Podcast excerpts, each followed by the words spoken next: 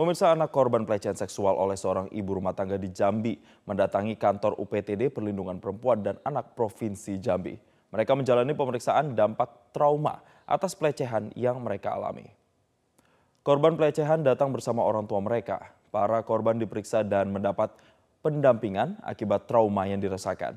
Kepala Unit Pelaksana Teknis Daerah Perlindungan Perempuan dan Anak Provinsi Jambi, Asi Noprini mengatakan, enam anak datang melapor dan mendapat pendampingan. Sementara itu hingga saat ini penyelidikan terhadap tersangka pelecehan seksual terhadap belasan anak di bawah umur di kota Jambi masih berlanjut.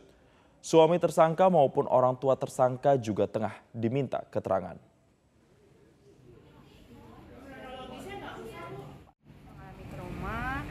tapi eh, traumanya berbeda-beda ya setiap anak gak sama ada yang kelihatannya datar tapi sebenarnya mengalami trauma.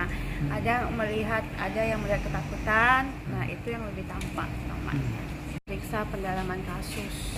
Nah, itu satu. Kemudian pemeriksaan untuk psikologinya juga karena buat eh, jadikan nanti ke pengadilan. Potensi cuaca ekstrim di sejumlah daerah selama periode 6 hingga 12 Februari 2023. Prediksi ini muncul setelah BMKG mendeteksi kemunculan tiga bibit siklon tropis di sekitar wilayah Indonesia. Kita simak informasinya pemirsa, siklon tropis sendiri adalah badai dengan kekuatan yang besar dengan radius rata-rata 150 hingga 200 km.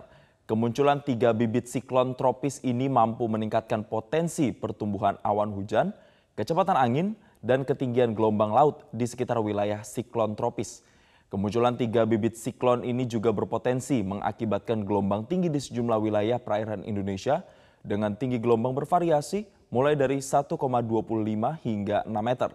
BMKG mengimbau kepada pemerintah daerah dan masyarakat untuk siap siaga dan waspada menghadapi cuaca ekstrim akibat kemunculan tiga bibit siklon tropis ini dan memastikan kapasitas infrastruktur serta sistem tata kelola sumber daya air siap untuk mengantisipasi peningkatan curah hujan. Kita akan melanjutkan informasi, Gunung Semeru kembali erupsi pada hari Minggu. Erupsi berupa awan panas guguran meluncur hingga 6 km ke arah tenggara gunung. Meski belum ada laporan korban, BPBD Lumajang masih melakukan asesmen dan mensterilkan sejumlah titik rawan bencana. Inilah pemirsa detik-detik erupsi Gunung Semeru berupa awan panas guguran yang terekam kamera warga di Desa Oro-Oro Ombo, Kecamatan Pronojiwo, Lumajang.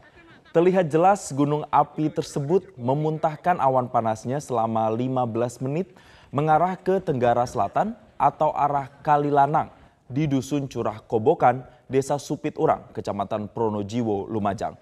Sejumlah warga yang berada di jalur penyeberangan Curah Kobokan maupun para penambang pasir menyelamatkan diri. Selain awan panas guguran, petugas PVMBG juga merekam adanya aktivitas letusan sebanyak 24 kali yang mengakibatkan kolom abu setinggi 1.500 meter dari puncak kawah. Warga dihimbau untuk tidak melakukan aktivitas di radius 5 km dari puncak dan di daerah aliran sungai Curakobokan yang menjadi tempat luncuran material. Hingga saat ini status Gunung Semeru masih siaga atau level 3.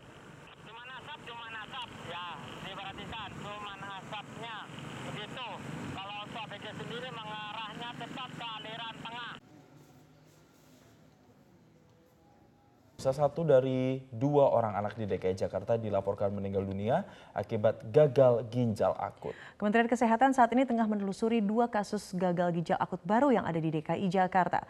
Kepala Biro Komunikasi dan Pelayanan Publik Kemenkes Republik Indonesia Siti Nadia Tarmizi mengatakan pihaknya tengah menelusuri penyebab kematian satu anak di DKI. Apakah memang ada keterkaitannya dengan penggunaan obat jenis sirup?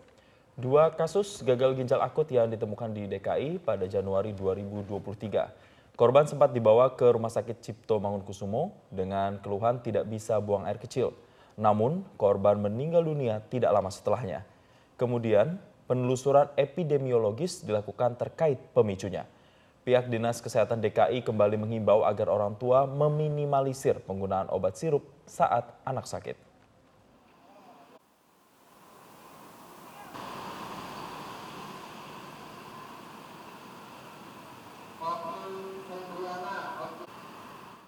Seorang siswa sekolah dasar perempuan di Duren Sawit, Jakarta Timur hampir menjadi korban penculikan. Iya, anak tersebut mengaku tangannya sudah digenggam secara paksa oleh seorang wanita yang tidak dikenal. Lagi pengen olahraga ke lapangan sendiri, tapi di belakangnya masih ada dikit-dikit orang. Nah, tangannya terus ditanyain ikut tante Yude. Ya, pemirsa, S, siswa sekolah dasar yang masih berusia 8 tahun ini hampir menjadi korban penculikan pada 26 Januari lalu. Aksi nekat para penculik dilakukan di lingkungan sekolah S. S mengaku tangannya sempat digenggam secara paksa pemirsa oleh seorang wanita tidak dikenal. Namun S berhasil meloloskan diri karena dengan menendang kaki pelaku dan juga memanggil teman serta gurunya. Kisah S yang sempat diunggah ke media sosial pun kemudian mendapatkan perhatian dari masyarakat sehingga membuat pihak Polsek Duren 3 melakukan penyelidikan. Polisi meminta keterangan pihak sekolah serta mendatangi rumah S. Ya, menurut pengakuan S, selain seorang wanita yang berusaha menarik tangannya, ia melihat ada tiga pria dan seorang wanita lain di dalam mobil. Orang tua S mengatakan anaknya sempat mengalami trauma dan ketakutan sehingga tidak masuk sekolah selama beberapa hari. lagi mau ngapain? Lagi pengen olahraga ke lapangan sendiri, tapi di belakangnya saya gitu pegang tangannya. Nah, pas dia bilang nggak mau, tangannya kita langsung dikencengin, dikencengin. Nah akhirnya mulai di situ dia langsung eh, nendang tangannya, kakinya, nendang kakinya langsung ditetek ke temennya. Di situlah dia langsung kabur. Tapi dia sempat ngelihat katanya ada mobil yang nungguin juga gitu warna merah ya warna merah ada sekitar di dalam lima lima orangan lah kurang kurang lebih ya nanti pihak kepolisian mungkin pengen lebih memperketat lagi untuk wilayah sana ya.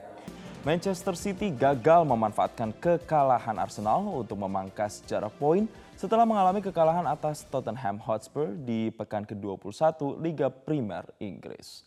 Bertandang ke markas Tottenham Hotspur di Stadium The Citizen tampil dominan sejak awal laga. Namun anak asuh Pep Guardiola tersebut harus kebobolan lebih dahulu di menit ke-15 melalui gol Harry Kane.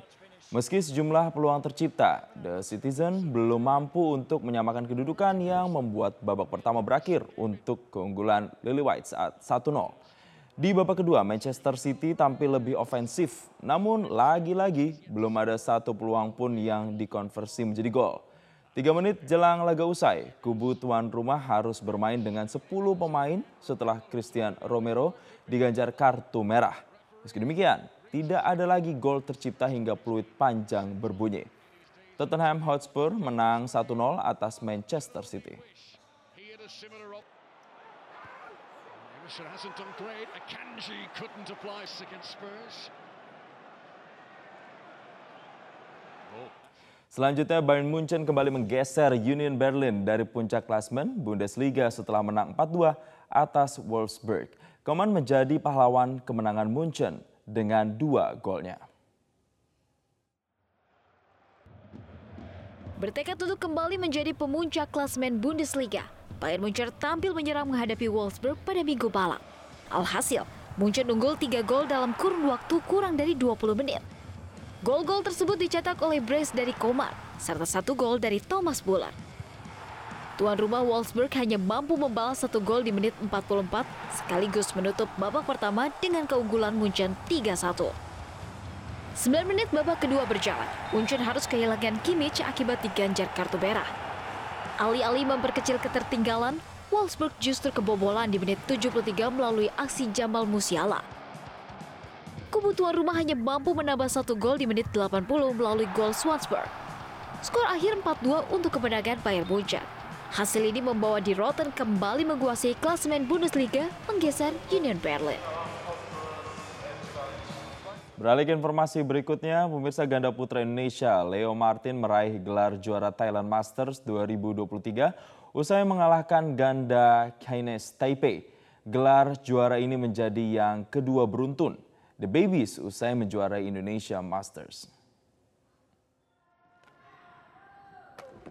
Indonesia memastikan satu gelar juara di ajang Thailand Masters 2023 usai ganda putra Leo Roli, Daniel Martin mampu mengalahkan ganda Chinese Taipei, Su Qingheng, Ye Hong Wei, straight set 21-16, 21-17 di partai final.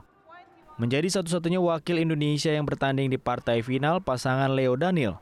mampu mengatasi pasangan Suye dalam waktu 41 menit. Meski sempat mengalami cedera dan kelelahan usai tampil penuh di ajang Indonesia Masters 2023, pasangan Leo Daniel yang selalu tertinggal di jeda interval game mampu bangkit dan merebut kemenangan di akhir game. Gelar Thailand Masters 2023 pun menjadi gelar kedua beruntun yang diraih The Babies.